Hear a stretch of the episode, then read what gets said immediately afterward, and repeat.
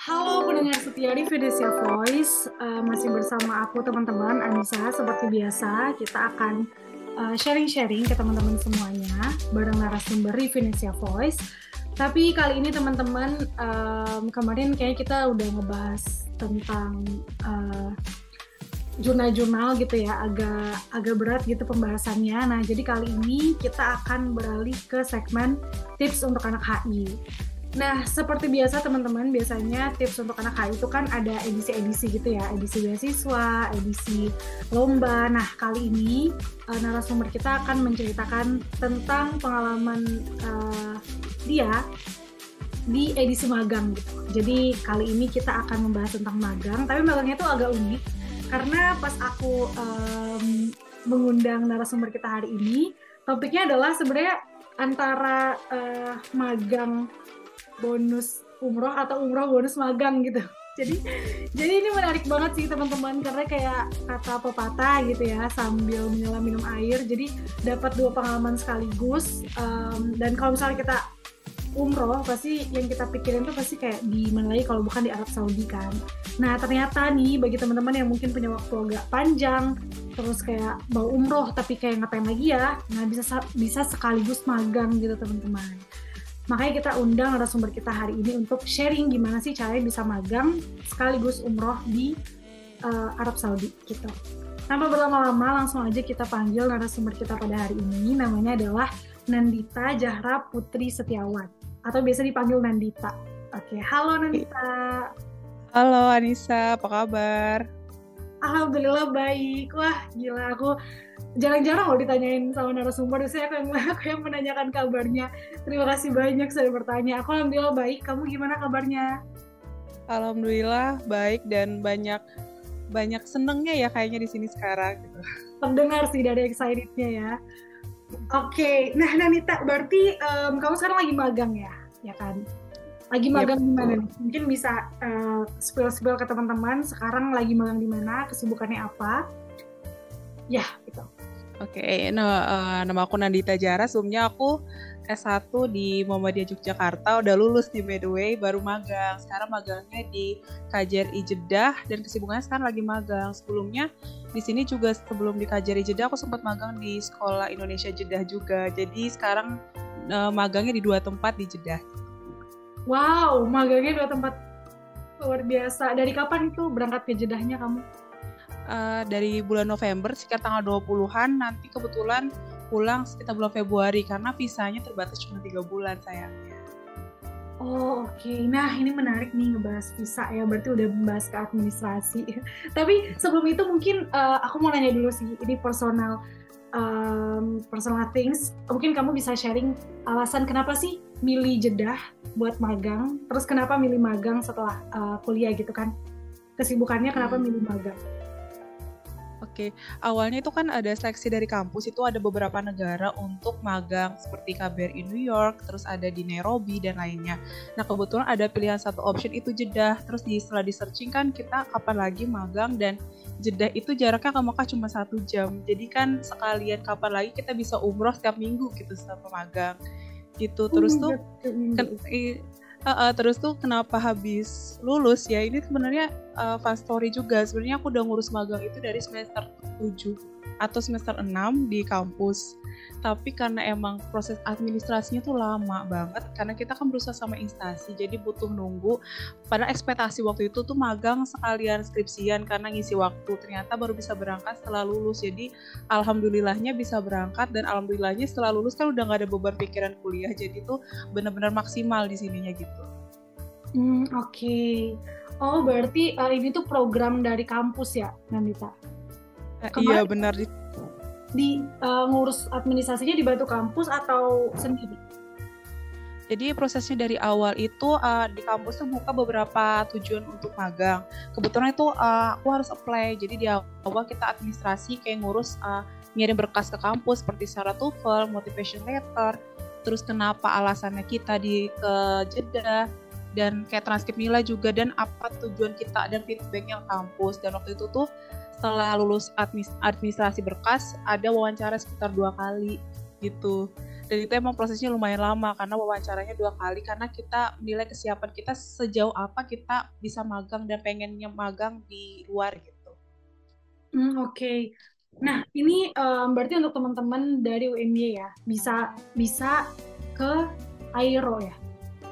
Atau uh, itu kemarin ke program Prodi HI kemarin tuh oh, uh, dibuka dari program Prodi HI tapi semenjak aku di sini dan dengar-dengar dari teman lain gak mesti buat UMB juga. Sebenarnya kalau kita ini uh, tips aja dari aku. Kebetulan aku juga pas akhir semester kemarin banyak banget apply ke banyak KBRI dan KJRI tapi karena COVID jadi terpaksa tidak bisa berangkat. Terus uh, pas di sini setelah sampai bicara sama home staff gitu katanya sebenarnya kita bisa aja magang dengan alasan kita punya output yang jelas.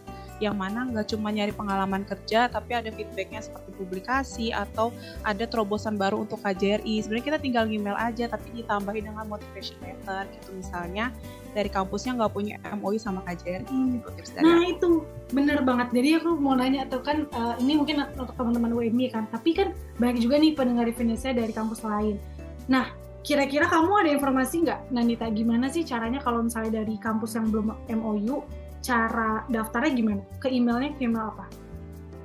Nah, jadi kan di setiap misalnya kita udah zaman udah maju banget nih. Tinggal hmm. Google misalnya mau KJRI Jeddah di situ kan ada informasi di bawahnya biasanya email KJRI. Itu kalian bisa aja kirim kirim CV, TOEFL. TOEFL itu pasti kita kan kerja di luar negeri ya, pasti harus bisa bahasa Inggris. Terus motivation letter dan tujuannya itu jelas. Jangan cuma nyari uh, pengalaman kerja karena kan pengalaman kerja bisa dicari di mana aja, nggak mesti jauh-jauh ke luar negeri. Jadi saran aku gitu dan nggak cuma jeda kemarin itu banyak banget sebenarnya yang buka asal uh, sebenarnya dari KJRI atau KBR itu sebenarnya baca ya kayak Atikbud atau Mesos seperti sebenarnya baca-baca email kita.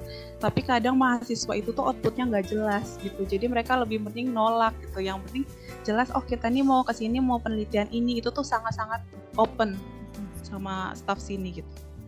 Oke, berarti tadi langkah-langkahnya kalau teman-teman mau magang di semua KBRI ya berarti ya?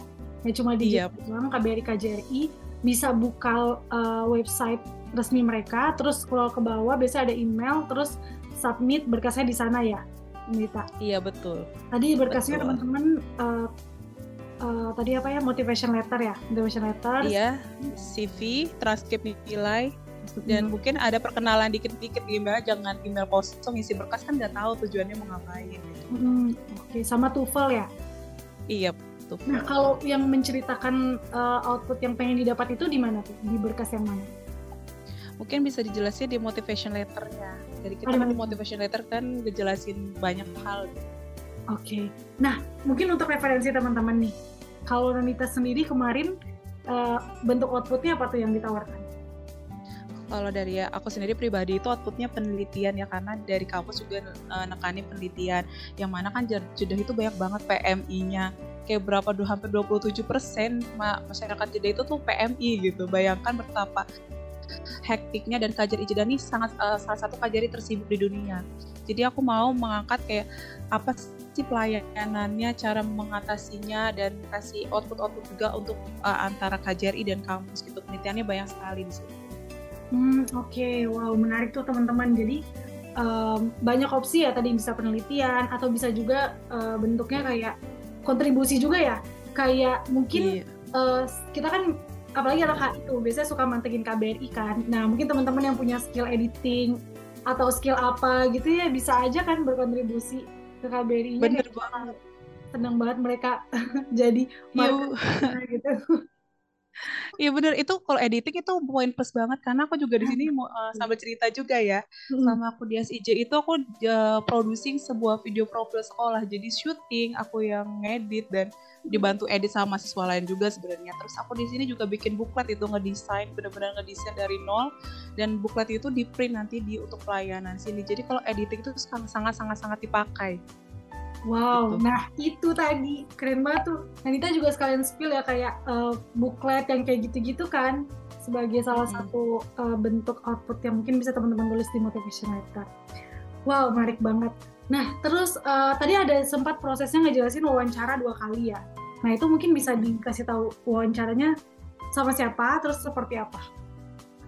Oh, itu wawancaranya sebenarnya sih lebih sama kampus ya, sama dosen kita karena ada catatan nih kalau kita magang di KBRI atau KJRI itu biasanya self founded pas itu kan lumayan berat juga kan ya untuk kita. Jadi dari kampus itu nyeleksi kitanya entah siap dari materi atau siap di diri kita. Karena kan kalau dua itu nggak seimbang nggak balance tuh kita nggak bisa berangkat karena materinya lumayan mahal juga dan kita kesiapan kita tuh bisa nggak sih bersaing di dunia kerja? Apalagi tuh di sini tuh di KBRI atau KJRI kan jadi sama orang-orang yang profesional dari kita siap atau enggak terus sama kemarin itu yang paling unik paling menarik itu kita ditanyain bakat kita apa? Punya bakat atau enggak karena karena pasti kita kan sebagai di luar negeri kan agen budaya gitu. Budaya apa sih yang bisa kita bawa sampai ke sini gitu. Jadi kalau teman-teman punya bakat itu sangat-sangat sangat bagus dan ditulis aja di motivation letter gitu. Bisa, bisa nari bisa apa. Kemarin ada teman juga yang bisa nari dia jadi guru tari di sini loh. Selama magang gitu. Wah, merinding mendengarnya. Gila keren banget. Definisi anak bangsa gitu ya merantau untuk beredukasi tapi berarti dua-duanya itu wawancaranya sama dosen ya uh, ya betul sama dosen karena itu karena berat di self audit sama siap dirinya karena ke mana tujuan negaranya jauh-jauh banget itu makanya butuh dua kali wawancara gitu. Hmm. Tapi kalau uh, selama Nandita magang ada nggak sih dari kampus lain yang juga magang? Oh kalau di sini sistemnya uh, kita gantian per kampus itu misalnya bulan bulan Februari sampai Maret misalnya itu dari UMY nanti yang Maret sampai apa kampus lain karena itu kita nggak bisa dibarengi sama kampus lain gitu tapi ada juga di kemarin pas di sekolah Indonesia itu ada yang dari kampus UNJ Universitas Negeri Jakarta yang lagi magang juga tapi karena dia guru jadi emang dia magangnya mengajar bukan yang kita kan dari HI kalau dari HI itu kayak gantian gitu Hmm, oke. Okay. Nah, kalau misalnya kita nggak ada MOU gitu, uh, itu akan ada tahap wawancara sama KJRI-nya nggak ya kira-kira? Nah, setahu aku enggak ya karena uh, punya pengalaman juga dari banyak teman-teman. Itu sebenarnya nggak ada wawancara mungkin dihubungin dulu kesiapan kita lebih kayak di telepon doang. Tapi itu sama aja kayak wawancara ya kali ya karena kan kita ditanya juga kesiapan. Tapi itu nggak seformal wawancara di zoom jam segini jam segini gitu. Jadi lebih fleksibel aja sih sebenarnya. Dan hmm. lebih mending bagusin aja di motivation letternya Meyakinkan gitu ya, meyakinkan mm -hmm. yang baca. Nah, tadi sempat mention soal self funded ya. Nah, ini emang agak sensitif gitu ya dalam permagangan ini, apalagi jauh di sana gitu kan. Nah, um, nah ya itu soal pembiayaan ini gimana sih Nanita? Semuanya full kah kamu bayar atau disupport sama kampus kalau ada MOU atau seperti apa? Uh, jadi di sini itu uh, pasti self founded ya. Tapi uh, karena self founded itu semuanya kayak serba dimudahkan gitu untungnya. Karena aku juga pernah punya pengalaman lain juga untuk orang pelajar kan kita yang mau bener bayar dan makan bayar ini bayar tapi masya allahnya di sini kalau misalnya itu kan self founded beli tiket pesawat sendiri tempat tinggal sendiri untungnya kita sharing sama staff jauh lebih murah. Terus kadang umroh nih nge-mention umroh hmm. kadang diajak gratis. Oh, Jadi kita diajak umroh. Umroh tuh bayar ya? Umroh itu nggak bayar tapi transportasi kita oh, yang bayar. Betul, dan itu sering banget diajakin gratis gitu. Dan kadang makan ke kan di sini aku kayak tinggal di kayak host family gitu ya. Kita tinggal bersama keluarga lain. Jadi kalau makan itu biasanya udah disiapin. Dari kantor juga kadang ada acara kita makan ikut makan. Dan banyak banget fasilitas yang karena kita mereka tahu kita self founded kayak dibantu banget bahkan kayak jarang ngeluarin duit di kantor gitu jadi yang pokok itu tempat tinggal dan pesawat. Dan untuk transportasi kan di sini juga susah banget ya di Jeddah sendiri itu public transportation hampir nggak ada. Dan Uber itu mahal banget. Dan untungnya kadang tuh tiap hari ada aja yang ngajakin berangkat atau pulang. Jadi mereka tuh sama sangat-sangat menolong gitu. Hmm, Oke, okay. berarti uh, untuk di sananya insya Allah aman gitu ya si uh, kakak-kakak dari KJRI Jedahnya memfasilitasi kita buat magang. Nah, iya benar. Um, tapi mungkin bo boleh nggak sih kayak kasih kisaran gitu biar teman-teman kayak tahu. Ah, sama satu lagi sih visa. Aku mau nanya visa. Visa hmm. itu bayar juga? Bayar. Dan itu mahal banget kalau visa ke Saudi. Cukup okay. mahal tapi nggak mahal banget. Boleh tahu nggak sih kisarannya dari uh, visa? Kita gabung aja sih visa terus pesawat sama mungkin uh, hitung-hitungan selama tiga bulan ya berarti di sana ya untuk akomodasi hmm. sama makannya itu kira-kira di kisaran berapa sih um, kita harus nyiapin gitu kalau mau magang tiga bulan di KJRI Jeddah? Oh gitu. Oh, kalau gaya hidup kan beda-beda ya. Tapi hmm. aku mau balik lagi tadi kemarin aku dapat pesawat itu alhamdulillah murah jadi 12 juta PP. Nah, catatan lagi kalau ke Saudi sekarang harus beli tiket PP karena banyak ilegal. Banyak PMI ilegal. Jadi kita orang Indonesia itu ditandain kalau kamu nggak punya tiket PP kamu nggak bakal diberangkatin itu juga masalah di di KJRI itu bisa bayang dari kita berangkat aja udah menghadapi masalah PMI bayangin di bandara gitu ya terus untuk visa sekitar 4 juta tapi itu kan visa juga kita dikasih surat dari KJRI agar bisa lolos sebenarnya karena visa sekali ke Saudi itu ketat banget karena masalah balik lagi ke PMI. Hmm. Terus kalau tempat tinggal itu kita sharing house sama kayak host family tetap bayar itu per bulannya sekitar 2 juta. Tapi itu baik banget ya kita karena host family makan udah ada dan lain-lain hal tuh udah siap gitu. Untuk uh, biasanya kalau misalnya ya kalau misalnya dari kantor ke tempat tinggal itu kalau nge-Uber sekali itu 40 ribu, 40 ribu dan PP itu kan 80 ribu mahal banget buat kita di Indonesia naik Gojek murah gitu ya. Hmm. Tapi karena ik bisa ikut staff dan pasti ditawari, pasti ada aja yang ngantar jadi itu gratis. Ya sekitar kalau makan tergantung gaya hidup. Kalau kamu makannya pilih-pilih ya mahal. Tapi kita kan masak, ada dimasakin. Mungkin kalau aku sebulan kayaknya nggak sampai habis 3 juta itu cukup banget. Bahkan itu bisa sampai umroh tiap minggu loh. Oh my god, umroh. Nah, gara-gara umroh. nah, mungkin teman-teman tadi udah punya gambaran ya teman-teman. Jadi kalau mau tahu berapa totalnya bisa ditotalin lagi, bisa di rewind menitnya gitu ya.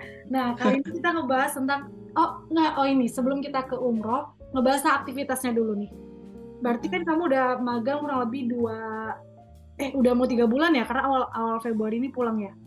Nah, iya, aktivitasnya ngapain aja sih Nandita? Mungkin uh, dari awal banget apakah kamu dipindah-pindahkan divisi tadi kan per, sempat bilang sosbud gitu ya dan sosbud mm -hmm. terus bisa ada divisi ekonomi dan lain-lain Terus ngapain aja selama tiga bulan ini? Ceritain dong. Oke, jadi dari uh, waktu awal sampai di sini kebetulan ditempatkan di Sekolah Indonesia Jeddah. Itu tuh di jadi di KJRI. Jeddah ini kan pelayanan gede dan masyarakat Indonesia kan banyak banget yang aku bilang pertama. Jadi aku jelasin dulu sini ada berapa badan di bawah Indonesia itu ada Sekolah Indonesia Jeddah, ada ITPC atau untuk bagian trade dan promotion, terus KJRI pastinya dan ada juga kantor urusan haji Nah, aku ditempatkan di dua instansi itu Sekolah Indonesia Jeddah sama di KJRI. Di dua minggu pertama atau tiga minggu pertama ditempatkan di Sekolah Indonesia Jeddah di mana aku yang emang nggak ada hubungannya sama HI banget sih. Tapi kalau kita lihat dikit tuh masih ada. Jadi di situ kita managing website mereka, edit video profil dan bagian edit-edit dan ngajar tari gitu. Tapi sebenarnya gitu uh, lapangannya si kasus di lapangannya tuh banyak banget kalau kita meneliti karena kasus PMI kan banyak banget tuh anak-anaknya kayak anak-anak yang dari unregistered merit kayak orang tua yang tidak tercatat lah, PM yang nggak punya paspor lah itu banyak banget. Jadi dibantu banget sama guru-guru situ dan langsung ngeliat di depan mata, oh gini ya mereka yang nggak punya catatan. Jadi kita juga bantu gitu. Terus nah, uh, aku mau nanya dikit. Oh iya boleh. Yang sekolah Indonesia Jeda itu uh, murid-muridnya siapa siapa aja tuh? murid-muridnya itu orang-orang Indonesia tapi rata-rata dari orang tua PMI kurang lebih tuh uh, muridnya itu ada seribu lebih bayangin di luar negeri tapi muridnya ada seribu. Dan itu banyak yang masih sekolah lain karena itu kan sekolah Indonesia itu kan membantu orang Indonesia banget yang nggak punya data bisa bersekolah gitu. Dan guru-guru situ tuh juga uh, gak cuma ngajar tapi sebagai agen budaya mereka kan tinggal di sini nggak tahu budaya Indonesia jadi diajarin pelan-pelan terus dikasih data biar bisa ujian nasional. Itu keren banget sih sama pengalaman jadi, di situ gitu. iya jadi mereka ini tuh uh, belum pernah di Indonesia atau atau atau gimana sih rata-rata murid di sana gambarannya? Rata-rata itu pada yang gak pernah di Indonesia. Jadi uh, kalau struktur sosialnya macam-macam di anak diplomatis itu, anak lokal staff di situ, bahkan anak maaf ini kayak ART, supir juga di situ. Jadi mereka bergabung gitu, Gabung. yang antara tidak terdata atau yang orang-orang terdata. Bahkan dari lahir mereka nggak pernah pulang ke Indonesia dan nggak pernah bayangin Indonesia itu gimana. Oh my god merinding sebenarnya. Oke. Okay. tapi itu uh, sekolahnya pakai bahasa Indonesia atau bahasa Arab? Pakai pakai bahasa Indonesia tapi ada beberapa kalau guru TK itu challenging banget karena banyak yang siswa yang nggak bisa bahasa Indonesia di awalnya jadi diajak guru-guru situ tuh sabar banget jadi dari awal diajarin bahasa Indonesia lama kelamaan mulai mereka bisa bahasa Indonesia lagi gitu. Oh berarti se sepanjang belajar itu pakai bahasa Indonesia mereka Iya betul. Dan buku-bukunya tuh Indonesia yang kita kalau kita kan SMA ya. SMA tuh misalnya contohnya SMA tuh bukunya blok sama gitu. Buku hmm. itu yang tipis gitu sama hmm. banget. di, karena dikirim dari Indonesia. Iya bener bener bener oh wow. Wow menarik menarik. Nah terus uh, tiga minggu ya di sekolah Indonesia Jeddah. Terus setelah uh -uh. itu ditempatkan di mana? Terus setelah tiga minggu baru kita ditempatkan di KJRI nah kebetulan di KJRI ini kan Kajar Ijedah itu tuh kantor yang lebih melayani ke masyarakat. Jadi di awal itu masih ditempatkan di bagian pelayanan, ada di bagian pelayanan. Di situ ada kayak konsuleran, kayak pendataan, permasalahan WNI, terus kita, uh, terus selanjutnya di minggu selanjutnya ditempatkan di call center dan praloket. Call center itu lebih kayak misalnya kayak kita tuh berasa 911 gitu loh di telepon misalnya ada masalah gitu telepon saya nggak digaji gini-gini jadi tiap hari itu mendengar pengaduan WNI bahkan dikirimin video yang mereka mengalami kekerasan. Itu challenging banget sih ngelihatnya. Setelah minggu selanjutnya itu pindah ke tenaga kerjaan. Di situ juga kan membuat perjanjian kontrak kerja terus kayak mereka uh, sama majikannya gimana kita kan pasti kan lindungi hak-hak orang Indonesia kan yang dia ada di Jeddah. Jadi kita kadang-kadang juga ngelihat di depan mata oh ini loh kasus-kasus yang sebenarnya terjadi di Jeddah yang diberitakan biasanya bilangnya A padahal kita lihat di berita tuh uh, yang aslinya tuh kayak B gitu. Itu tuh bagus keren banget sih. Bahkan bener-bener yang ngeliatin orang yang sakit sakit-sakitan kadang orang yang apa gitu kayak wow banget match gitu lah bukannya kasihan Iba sih sebenarnya. Hmm. Nah, Terus uh, ya lanjut lanjut. Ya. Oh, uh, oh iya terakhir uh, sekarang ditempatin ke bagian gedung tengah itu lebih ke yang bener-bener gimana ya uh, benar-benar fungsi gitu atas pasti anak HI pasti udah tahu atas sama fungsi kan sekarang ditempatkan di ekonomi sama pesosbud pesosbud itu sosial dan budaya gitu dan hmm. itu sih sebenarnya tugas-tugasnya jadi di rolling gitu gitu Nah, kalau di ekonomi dan pensosbud, aktivitasnya biasanya ngapain?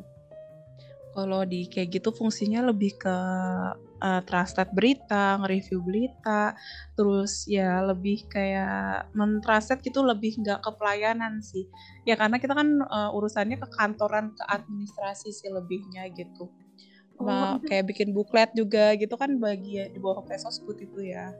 Tapi uh, sorry maksudnya hmm. berita translate berita itu berita Indonesia dijadiin Arab atau gimana dari dari itu dari portal berita di Arab misalnya ada Arab News, Saudi Gazette itu kan pasti ada mereka nge-mention memberitakan Indonesia di situ. Kita juga harus melaporkan ke Kementerian Luar Negeri di Indonesia itu oh di sini di Indonesia di sini ini kita diberitakan gini loh ataukah ada misalnya peluang bisnis untuk Indonesia kita itu memberitakan mereview menganalisis gitu.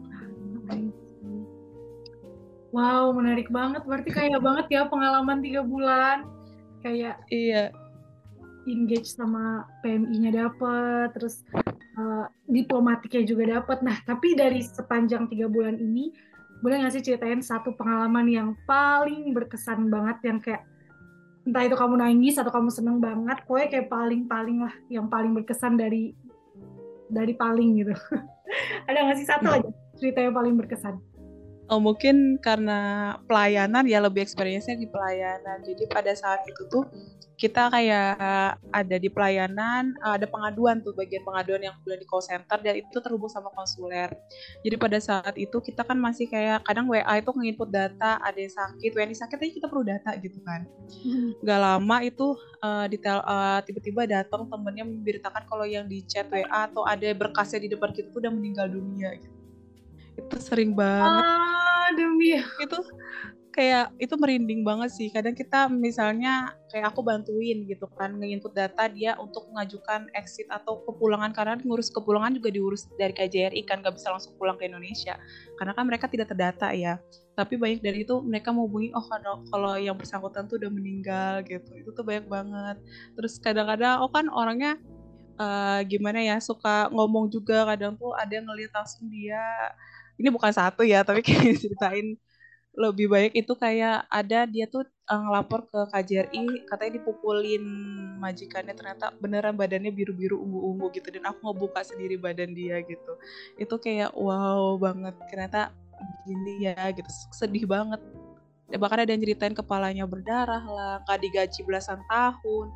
Itu tuh aduh udah sakit banget hati ngerasanya udah di disakitin badannya gajinya nggak dapet Terus uh, biasanya kalau kalau pengaduan kayak gitu apa yang biasanya dilakukan sama KJRI? Pasti kita membantu kan melindungi hak gaji, misalnya kayak tenaga kerjaan tadi itu kan misalnya nggak digaji belasan tahun, kita menuntut uh, majikannya untuk membayar. Kita uh, melakukan sidang. Itu ada sidang juga. Pernah pernah aku pernah ikut sidangnya itu tapi mendengarkan doang karena itu bahasa Arab semua dan kebetulan aku nggak ngerti bahasa Arab itu jadi kita pokoknya mereka nggak orang nanti mereka bakal dibantu dijaga di KJRI dan bagian bagian fungsinya itu akan bantu mereka sampai gajinya benar-benar terbayarkan gitu. Atau kan melaporkan orang-orang yang misalnya sakit atau atau apa itu benar-benar dibantu sih. Itu kerennya di sini ada bagian pengaduan dan pelayanan gitu. ah masya allah keren banget aku benar-benar ceritanya kayak kayaknya kayaknya kita harus nggak sih punya pengalaman kayak gitu sebagai anak muda? Pasti iya benar kayak matanya tuh benar-benar kebuka gitu loh kayak dunia tuh. Kayak ya please kayak nggak cuma kamu yang sedih gitu. Ada orang yang lebih sedih di dunia ini. Iya oh, benar-benar sama aku mau ngasih ini juga sih hmm, insight hmm, bagus banget. Ini itu kan selama ini kan kita bayangin kalau magang di KBRI atau KJRI kita kan anggapannya pakaian kita bersih, elegan, bersidang-sidang antar negara, diplomasi hmm. dan bla bla bla. Padahal itu enggak, enggak mesti kayak di KJRI jeda kita tuh anggapannya siap kotor, siap apa karena permasalahan itu banyak banget di sini. Kita langsung ke masyarakat bahkan kalau KJRI sini aku belum pernah uh, ada sidang kayak diplomat yang kayak gitu-gitu karena kita lebih ngurusi pelayanan. Jadi bener-bener menghadapi PMI yang beda-beda backgroundnya. Hmm. dan dan itu mereka low education kan. Jadi kita harus sabar banget. Misalnya kita berbicara berbicara sama teman sama Ica aja kan kita kan orangnya udah sepemahaman udah seilmu. Bayangin kita yang berbicara sama orang yang buta huruf itu gimana? Yang nggak ngerti bahasa Indonesia itu challenging banget. Jadi jangan anggap pekerjaan diplomat itu semuanya bersih yang ada di ruangan berpakaian jas itu jangan berpikiran seperti itu. Kita kan juga harus turun melayani masyarakat gitu. Hmm Iya, benar-benar setuju setuju. Iya ya, soalnya kayak di glorify di dalam uh, eh, HI kita kuliah kita itu ya itu yang pegang plakat gitu-gitu kan. Terus uh. Uh, ya sidang dan yang lain. Tapi ya benar-benar banget sih karena fungsi diplomat itu salah satunya perlindungan kan. Dan itu masih jarang banget ke show di uh, media. Bahkan di pelajaran kita anak HI juga jarang banget ngebahas isu-isu sensitif kayak gitu kan. Padahal ya itu tadi bagian dari diplomat. Nah, uh, terus ini aku juga mau nanya ini sih Nandita dari pengalaman kamu tiga bulan ini uh, apa aja sih yang kamu kira ya atau kamu rasa tuh mengubah banget. Sebenarnya ini agak deep gitu ya pertanyaannya. Cuman aku pengen para pendengar ini tuh ngerasa kayak the momen ini bener-bener precious banget gitu loh. Jadi kayak kalau punya rezeki, kalau punya kesempatan harus diambil gitu. Nah, apa aja sih benefit yang kamu rasain selama kurang lebih tiga bulan ini? Personali kamu sendiri gimana? Uh, personally aku sih lebih pertama ya hubungan sosialnya lebih berasa gitu ya. Karena kita intens sama PMI cerita-cerita. Tapi kadang mereka kan semua orang itu aktor ya. Kita nggak bisa percaya 100% dengan keluhan PMI jadi kita perlu jadi detektif juga jadi psikologi. Iya juga itu tuh keren banget di sini. Dan ilmu HI yang di kelas itu kadang-kadang nggak bisa di-apply di kehidupan kita. Jadi kita harus berpikir rasional. Cara kita berpikir itu di benar-benar uh, dipakai gitu ya terus terus benefitnya itu sih lebih kayak oh di lingkungan kerja ini kayak gini loh gitu. Di lingkungan HI diplomasi ini gitu loh. Dan semua yang di buku semua yang di media cetak itu tuh kita nggak bisa percaya 100% apalagi di media cetak seperti aku bilang. Setelah aku sampai ke sini setelah aku tahu dan baca berita sebelumnya dan yang terjadi di sini tuh tuh nggak 100% benar gitu. Jadi kalian membuka mata gitu. Dan kadang jangan tutup mata juga uh, sebenarnya orang-orang PMI itu nggak semuanya makmur dan semuanya keren gitu ya. Kadang mereka itu sedih banget ceritanya ada yang disiksa ada yang gak digaji. Jadi kayak buat kita sendiri tuh, tuh buka mata sendiri sama teman-teman yang mungkin ngelihat kerja di luar negeri itu enak uh, pikir lagi deh gitu. Nggak semuanya kehidupan itu berjalan sesuai apa yang kita inginkan gitu.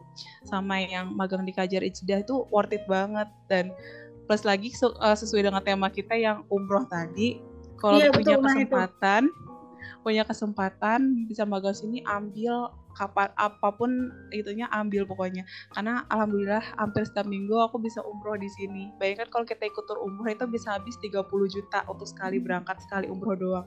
Dan aku dengan kurang dari segitu aku udah bisa berkali-kali umroh bayangkan gitu ibadahnya dapat kita sosialnya dapat dan lain-lainnya dapat dan juga kalau kita magang di instansi bersama diplomat atau lokal staff dan di KJRI KBRI cobalah kita kayak mengambil bola gitu. Karena kan orang semua tuh sibuk gitu sibuk dengan kerjaannya masing-masing. Jadi kita perlu berinisiatif itu lebih nanya lebih konsultasi. Karena mereka kalau ditanya senang sekali dan sangat membantu. Tapi kalau kita nunggu mereka yang nanya kita tuh nggak bakal ada waktu merekanya jadi selama ini aku yang sering datangin mereka oh ternyata gini ya ilmu ilmunya gitu jadi buat teman-teman lebih kalau yang pengen bener-bener magang inisiatifnya dinaikin sama uh, coba public speaking atau skill ngomongnya dinaikin juga karena kan kita kerja di bagiannya tiap hari ngomong ini kan jadi tuh itu sih dikuatin gitu sih dari aku. Hmm, Oke, okay. oh my god, thank you banget Nandita. Uh, mau nanya nih spesifik emang uh, agak akhir-akhir itu mau nanya tentang umroh. Nah, uh -huh. jadi tadi uh, cerita tentang seminggu sekali gitu ya umroh ya. Uh -uh. Um, itu gimana sih? Uh, gim apakah emang ada program gitu? Maksudnya kayak, eh janjian deh kita umroh tiap minggu atau buat yang mau aja atau gimana? Mungkin teman-teman punya gambaran gitu. Umrohnya tuh gimana sih kalau kita sambil magangnya? Uh, jadi kan kalau magang kan pasti ada hari libur ya. Hari apa awal-awal tuh Jumat hari oh kalau di Saudi ya Jumat dan Sabtu hari libur bukan Minggu. Minggu kita kerja hari awal kerja. Dan itu kan pasti ada waktu aku di SIJ itu buru-buru pasti tiap minggu ada umroh jadi diajakin gratis. Nah semenjak aku di KJRI kan semua orang punya kesibukan dan sibuk banget kan. Tersibuk di dunia KJRI Jeddah itu hmm. jadi bisa pakai tren biasanya aku naik tren sendirian doang. Uh, umroh itu bukannya sehari full cuman paling tiga jam selesai loh. Kita tawaf tujuh kali terus saat tujuh kali udah selesai itu anggapannya udah satu kali umroh gitu ya. Naik tren mungkin sekali naik tren itu cuma 120 ribu dan PP cuma 240 ribu bayangin. Cuman 240 ribu kita bisa umroh gitu ya. Hmm. terus itu tiap minggu sendiri dan sendiri kan lebih enjoy kita bisa pelan-pelan terus kusyuk gitu. Masya Allah banget sih pengalaman itu kapan kapan lagi gitu kan. Udah murah dekat bahkan ah, dari sini ke dari Jeddah ke Mekah itu cuma setengah jam kalau naik tren. Jadi hampir setiap minggu kalau bosen mainnya ke Mekah gitu. Wow, gitu sering. Masya Allah. Mana lagi hari Jumat ya libur ya kayak hari hari Jumat tuh ya dalam Islam kan udah udah Jumat ibadah libur gitu kan komplit gitu. Hari yang baik wah ya. Hari yang baik lah ya dalam Islam.